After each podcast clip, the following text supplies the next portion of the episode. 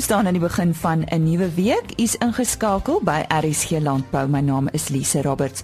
Op vandag se program, vleispryse vanaf uh, veilinge wat in die Noord-Vrystaat plaasgevind het. Dan gesels ons met die ondervoorsitter van Bonnievale Wines oor die samesmelting reeds 10 jaar gelede. Dr Dani Oendal gee raad oor hoe om na jou diere te kyk in Desember maand veral as jy met vakansie gaan. Ons gesels oor landbouprodukverwerking en ook met Janie de Villiers van Graan Suid-Afrika oor eh, die moontlike GMO invoere vanaf die FSA. Soos ek gesê het, Chris Derksen staan gereed met sy vleispryse en dit is van Dinsdag 6 Desember. Dit is pryse wat behaal is by veilinge in die Noord-Vrystaat. Chris Goeiemôre. Dit is eintlik die laaste groot veiling van Desember as 'n reël wat altyd baie goeie pryse meebring. En dit is belangrik om te onthou stoorskape is altyd op hulle duurste hierdie week net voor Kersfees omdat daar so baie mense is wat in informele mark skape koop die tyd van die jaar. En dit is ook interessant om te sien dat swaar steenkalvers het tamelik vinnig gestyg omdat die voerkrale hulle waarskynlik gou wil vet hê waar die ligte kalvertjies vat 3 maande en dit vat jou na relatief goedkoop tyd. Ek gee vir die presiese pryse. Steenkalvers onder 200 kg R24 presies per kilogram van 200 tot 250 kg R23.85 en oor 250 kg R22.15 per kilogram. A klasse R21.03 B klasse R19 presies C klasse vetkoeie R18.20 en maarkoeie 'n baie beter prys as in die verlede van R15.12 per kilogram slagbulle R18.72 en dan van die skaapmark stoorlam R31.43 slaglam R28.52 maar oeye R22.16 wat dan duurder is as vet oeye van R22.07 per kilogram. Baie dankie. Aan die woord daar Chris Sterksen ons gesels dan eers weer in die nuwe jaar met hom Bonnievale Wines, gevorm deur die samesmelting van Bonnievale, Merwerspont en Nordale Koöperatiewe Wynkelders, het op 1 November hulle 10de bestaanjaar gevier. Ek gesels nou met Hannes Beekman. Hy was tydens die samesmelting ook die voorsitter van Bonnievale Wines en tans die ondervoorsitter. Hy verduidelik eers wat dit daartoe aanleiding gegee. Goeiemôre. Ehm um, ja, ek dink ons as produsente is maar altyd bewus daarvan dat ehm um, groter eenhede vir jou die voordeel van ehm um, die ekonomie van skaal wat kostes van betref maar meer belangrik eintlik sou ek sê die ehm um, aanbod wat jy in die mark kan sit van produk is net groter. En daarmee saam weet die kleiner koöperasies kon nooit hulle weg oop sien om wat bestuur aan betref soveel mense aan te hou nie dat hulle kon 'n uh, uh, wynmaker en 'n kelder bestuur en daarmee het hulle van die wynmaker ook die kelder bestuurder gemaak en hierdie het vir ons die geleentheid gegee om 'n uh, spesialis aan te stel as bestuurder en by elke kelder dan 'n wynmaker kan gebruik. En wanneer het dit uh, nou presies gebeur en die besluit om dit te doen, was dit 'n moeilike besluit? Was daar mense wat dalk teen dit was? Kyk, die onderhandelinge om die drie kellers te algemeer het verskeie kere begin en dan weer doodgeloop. So ja, dit was 'n sekere moeilike proses. Ehm um, die laaste proses wat ek nou van praat wat met ander woorde die suksesvolle een was het 2 jaar geduur. Ons het begin met 'n klein loodskomitee van twee direkteure van elke keller. Ek dink ehm um, weet wel mense altyd sê die ouer mense het die wysheid was ons op daai stadium miskien gelukkig in die sin dat ons by al drie kellers 'n uh, redelike jong generasie op die direksie gehad het. Mm. En Ehm um, maar ten spyte daarvan sou ek nie sê dit is maklik om dit gedoen te kry nie. Nou ek verneem dit is waarskynlik een van die eerste samespeltings van sy soort in die Suid-Afrikaanse wynboubedryf, is ek reg? Ja, wat ek van weet tussen definitief tussen drie uh wynkelders, uh definitief die eerste. Ehm um, jy weet 'n mens moes mens moes so 'n bietjie agteroor buig om om sê ek maar sê die die knoop deur te haak. Ons het die eerste jaar uh gefunksioneer met 15 direkteure wat basies al vyf direkteure van elk van die ou entiteite was en dit op sigself is baie naby aan 'n onmoontlikheid maar ons moes dit doen om weet die inkoop van al die mense en partye te kry. Ehm um, dieselfde geld vir personeel, jy weet ons moes ehm um, vir al die personeel van die drie kellers ehm um, basies hulle werk waarborg vir 'n jaar want weet so iets skep beslis onsekerheid dit personeel en om hulle gerus te stel dat hulle nie weet die pap op die grond laat val voor almal gemaas en nie moes ons daai versekering aan hulle gee. Hmm. Is daar lesse wat jy geleer het in hierdie 10 jaar? Ja, ek dink sedert almal gemaasie, ehm um, het ons uh gevind dat 'n mens se gevoel wat jy voor die tyd gehad het, ehm um, nogal uh, akkuraat is en dat 'n mens sou jy weer in so iets moet ingaan wat nie moontlik is nie want ek ek voorsien eintlik nog groter alliansies in die wynbedryf in die toekoms. Ehm um, die oorhoofse gevoel is dat as 'n mens dit vir jou sin maak moet jy dit net gedoen kan. En wat van kwaliteit? Ehm um, julle moes nie een of ander tyd dit bietjie prys gee om dinge te maak werk nie. Was dit nog steeds 'n fokuspunt vir julle? Ehm um, ek dink ons kon baie vinnig die drie verskillende entiteite se manier van doen konsolideer omdat ons een bestuur 'n hoofwynmaker en ehm um, gereelde kommunikasie tussen die wynmakers en die persele uh, ingestel het. En nee, ek sou sê ons het redelik vinnig begin om ons kwaliteit op te tel deur soos ek sê uh, gestandaardiseerde um, riglyne te gee en dan die feit dat die drie entiteite se plase oor 'n geografiese afstand van omtrent 50 km lê maak dit eintlik as jy na 'n spesifieke produk soek vir die tellermeester makliker want hy het nou 'n baie groter geografiese area om te gaan soek vir die spesifieke karakteristikke wat hy wil hê in 'n in 'n wingerd. Mm. Nou ek verneem julle het ook feesvieringe gehad. Wat het dit behels? Ons het ehm um, vir ons lede 'n uh, funksie by die kelder net gehou en dit was baie aangenaam en goed om te sien dat omtrent al die lede wat ek van weet was daar en en ek dink jy gaan nie eintlik iemand kry deesdae wat sê dit was 'n fout om te maak gemeen. Die werkers is hulle nog almal ook daar, meeste van hulle. Ja, ek dink die die die groei wat ons geskep of die geleentheid vir groei onder ons werkers is is nogal ook bemoedigend. Ehm um, byvoorbeeld een van die manne wat uh, begin het as 'n uh, kellerwerker met amalgamasie is nou die wynmaker by een van die drie persele. Sjoe.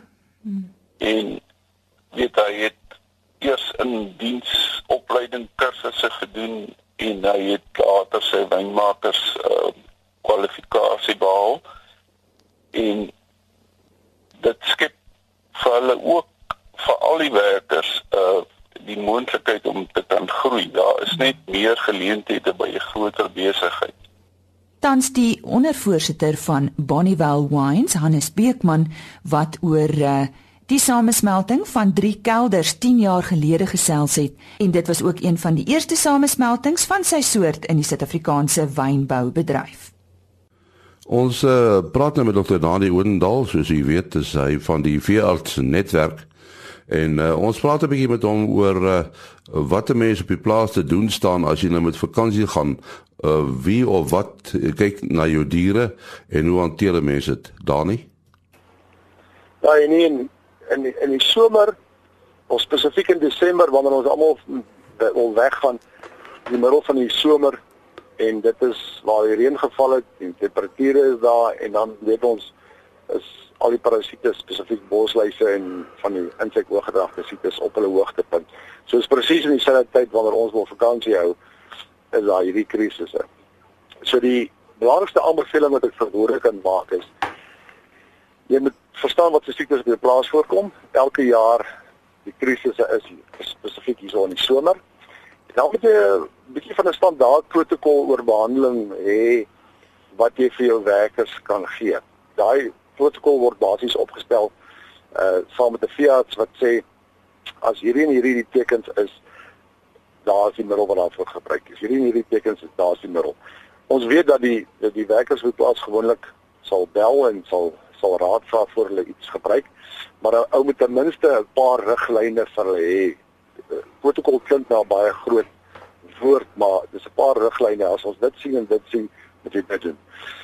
Maar die begin daarvan en dit is die heel belangrikste en dit wat ek sien wat by meeste boere. Ons het twee basiese ondersoeke wat ons op diere doen sodra ons sien daar's iets fout. Die eerste een is om die koors te neem. Uh om tussen infeksieuse en nie-infeksieuse oorsake te onderskei en die tweede een is om na die oog se binnelid te kyk om te kyk is daar enige iets wat bloedarmoede veroorsaak want ons het 'n klomp siektes ons is vandag dit tussen beeste wat dit veroorsaak en en parasiete uh, spesifiek haarworm en skape. So gewoonlik wanneer ons so 'n protokol opstel, so 'n riglyn, sal ons sê is die koors hoog of nie. As hy nie hoog is nie, kyk hierna.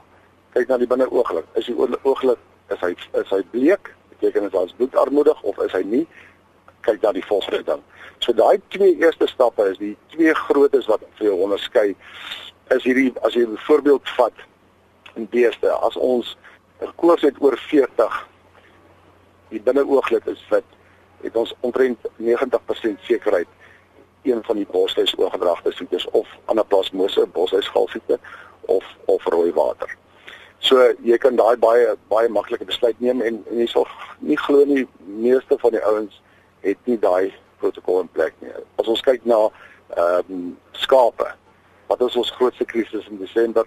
Haarbring. Hierdie ongelukkige hitte en en en bietjie reën wat ons nou gekry het, is net reg daarvoor. Van die koors, koors is mal, want parasiete veroorsaak nie koors nie. Kyk na die binneooglid en die ooglid is bleek en dit is relatief seker hierdie is 'n bloedsuigende parasiet soos haarworm wat die probleem veroorsaak. So as ek die boere iets kan aanbeveel, verstaan wat se basiese siektes jy in hierdie tyd vo voorkom. Ons groot bekbosluise wat groot alles veroorsaak. Ons sien die oorbosluise wat binne 2 weke beeste se ore kan afgeet veral hierso in Desember. Uh maak 'n lysie van daai siektes wat gewoonlik krisis in Desember. Werksaam te vir om te sê okay, kan ons 'n basiese riglyn opstel? Uh vir die ou wat op die grond is as hy koors vat, as hy binne ooglid kyk en dan die ondersoek punte kyk om te sê as dit gebeur, moet ons dit gebruik, as dit gebeur, moet ons hierdie middel gebruik of ons moet kontak met die veearts of ons kontak met die ja eienaar. Daar's 'n goeie raad van dokter Dani Oudendal van die veearts netwerk. Suid-Afrika se groeiende landbouprodukverwerkingssektor speel 'n beduidende rol in werkskepping en in die ekonomie.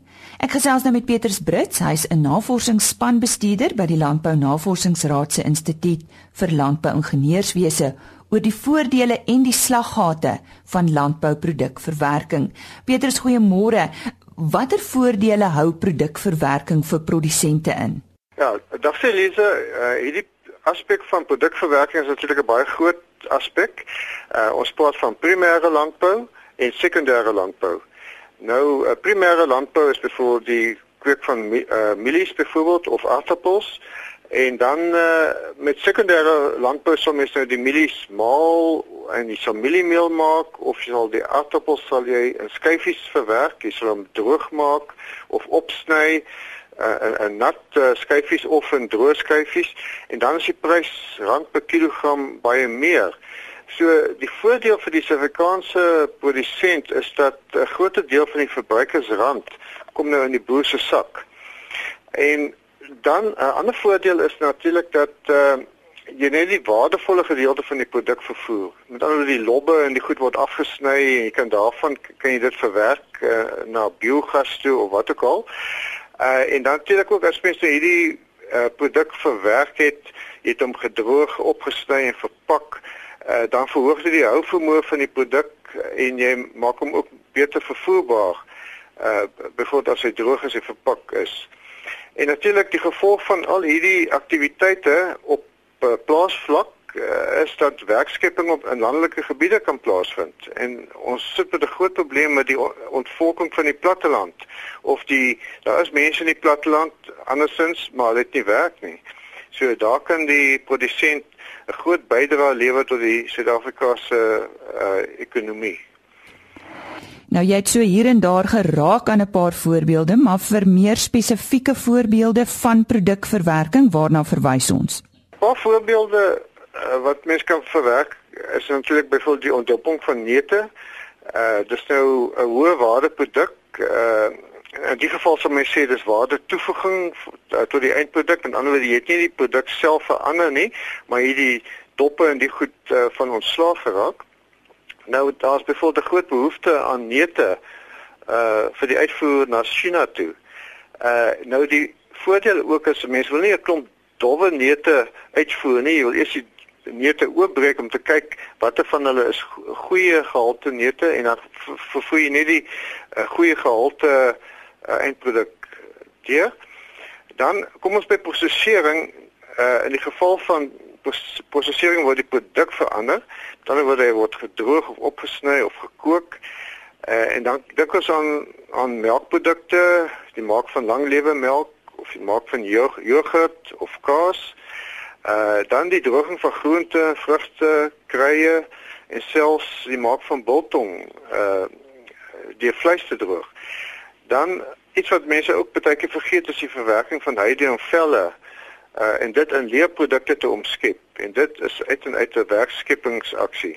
Watter slaggate kan produkverwerkingsinisiatiewe in wel in die wielery? Ja, eh, die meeste probleme is uh swak beplanning as gevolg van gebrekkige kennis uh, van die hele verwerkingsproses. Uh, baie keer is die produsente kenner om die primêre produk daar te kry, maar hy weet nie mooi hoe om die produk te verwerk nie. Dan moet mens maar by kundiges gaan aansluit om uit te vind presies wat moet hy doen. Dan uh baie keer is daar ook die gebrekkige ekonomie van skaal. Met ander woorde, uh, te min van die produk word verwerk uh om uh, die produkspesifieke toerusting ekonomies te kan benut. Ons praat van uh hittebalanse en massabalanse en dat die boer moet uh of die produsent uh, of die verwerker moet uitvind uh wat gaan presies in en wat gaan uit en wat laat daar balans is tussen al daai daai dinge. En dan uh swak marknavorsing. Uh partykeer hou die produsent van 'n sekere produk maar hy verwerk dit maar dit sien eintlik 'n aanvraag nie en uh, die die ekonome en die die geldbalanse hou nie van lae benutting van jou infrastruktuur nie. Watter faktore moet 'n produsent dan in ag neem by die beplanning van so 'n aanleg? Ja, 'n uh, paar belangrike faktore is die terrein, uh, die geboue infrastruktuur, dan moet voldoende elektriese kragvoorsiening wees, voldoende water, Uh en al hierdie alternatiewe krag en waterreserwes is ook nodig in tye van onderbrekings. Uh en dan ook natuurlik goeie gehalte water. Uh, Partykeer het mens boorgatwater wat nie aan die standaarde voldoen nie, wat nie gebruik kan word nie.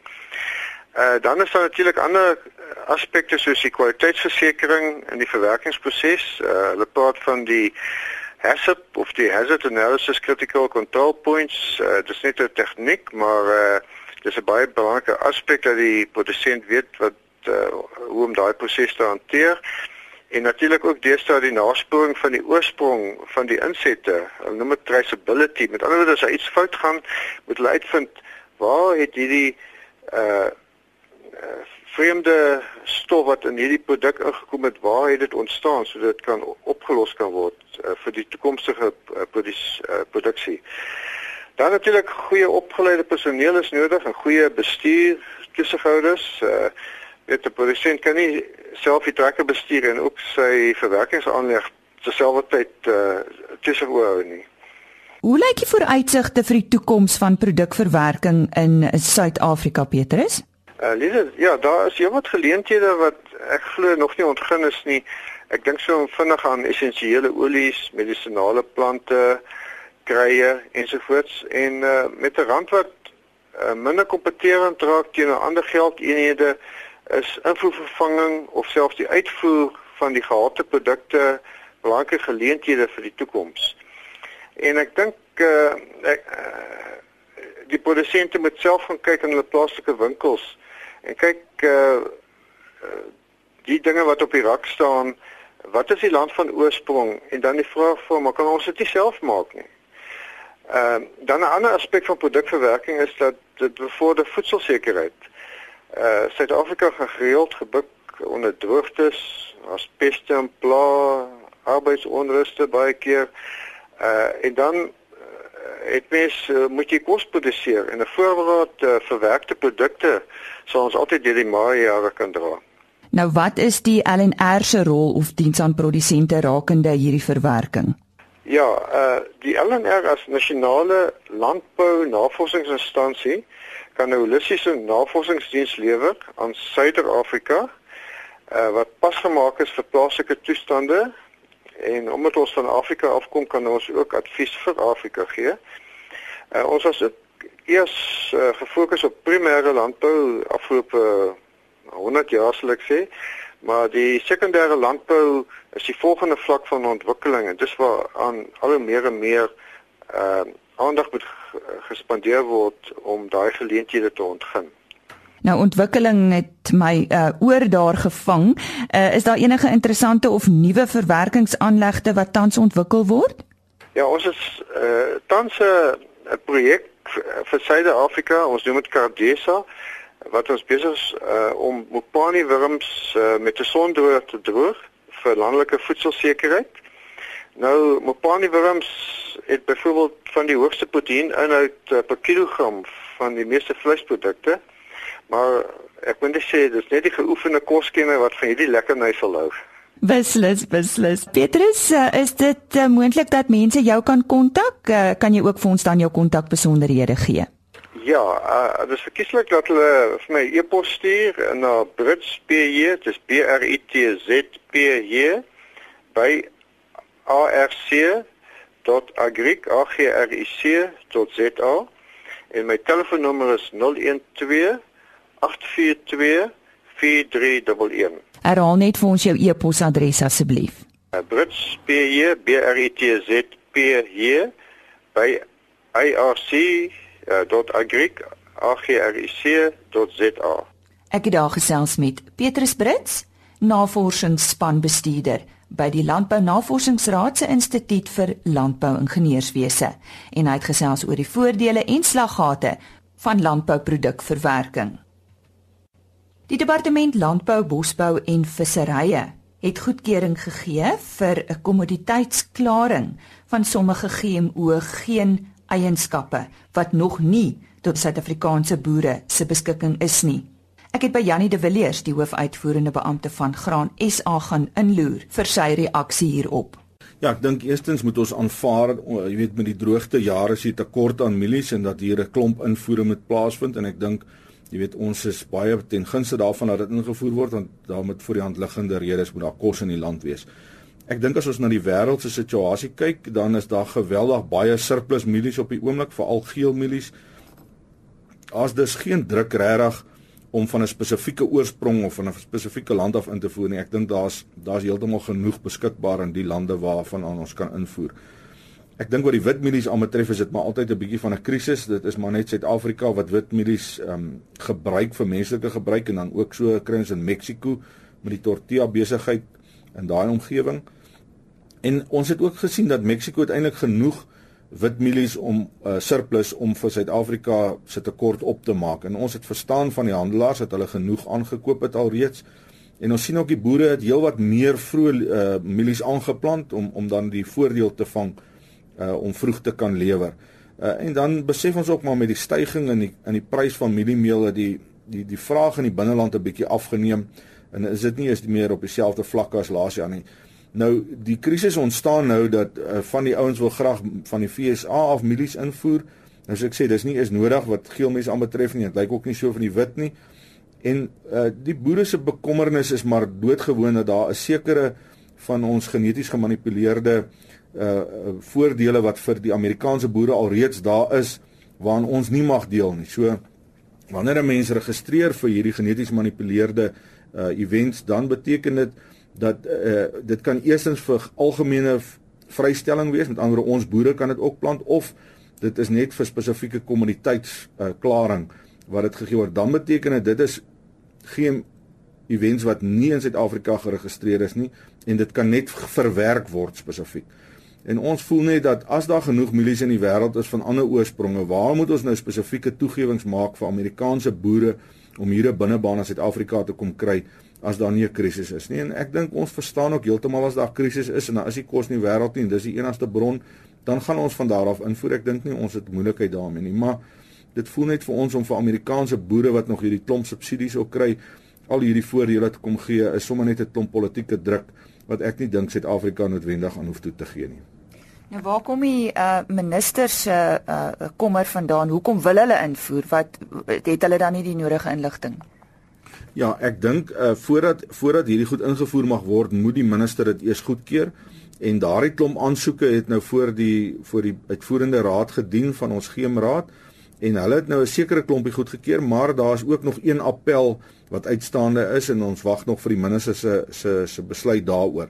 So Almal het aansoek gedoen, Graan Suid-Afrika het ons kommentaar gelewer, ons insette gemaak en nou voordat enige iemand van Amerika kan invoer moet hierdie moet die minister dit eers goedkeur. So dis nog nie goedgekeur nie. En ek dink partykeer is van die handelaars nou ek wil amper sê moetswillig, jy weet en hulle hulle maak bekend dat van die goed goedgekeur is, maar alles is nog nie en dan val die pryse so 2 dae, dan kom hulle agter alles is nog nie goedgekeur, dan gaan die prys weer op. En ek dink daai volatiliteit maak boere klaar, maar dit maak ook die aankopers klaar. 'n Mens hoop nou net eintlik daar kan 'n bietjie meer verantwoordelikheid kom in die manier waarop hierdie goed aangekondig word en dat die dat die handelaars nie weghardloop met hierdie goed uh, om die markte heen en weer te laat gaan nie. Die hoofuitvoerende beampte van Graan Suid-Afrika, Jannie De Villiers. Ja, ons gesels môreoggend op RSG Landbou luister baie mooi oor uh, die handhawing van koue suiwelketTINGS. Jompie Burger van die Suiwel Standaard Agentskap sal hieroor raad gee. Dan praat ons in breë oor die landbou voorsorgfonds en ons laaste wolmark verslag vir hierdie jaar kom ook aan die beurt. Dit is van die items môreoggend op RC Landbou. Ons sien uit om weer saam met u te kuier. Mag dit met u goed gaan. Totsiens. RSC Landbou is 'n produksie van Blast Publishing. Produksieregisseur Henny Maas. Aanbieding Lisa Roberts. En uitskoördineerder Martie Kerstyn.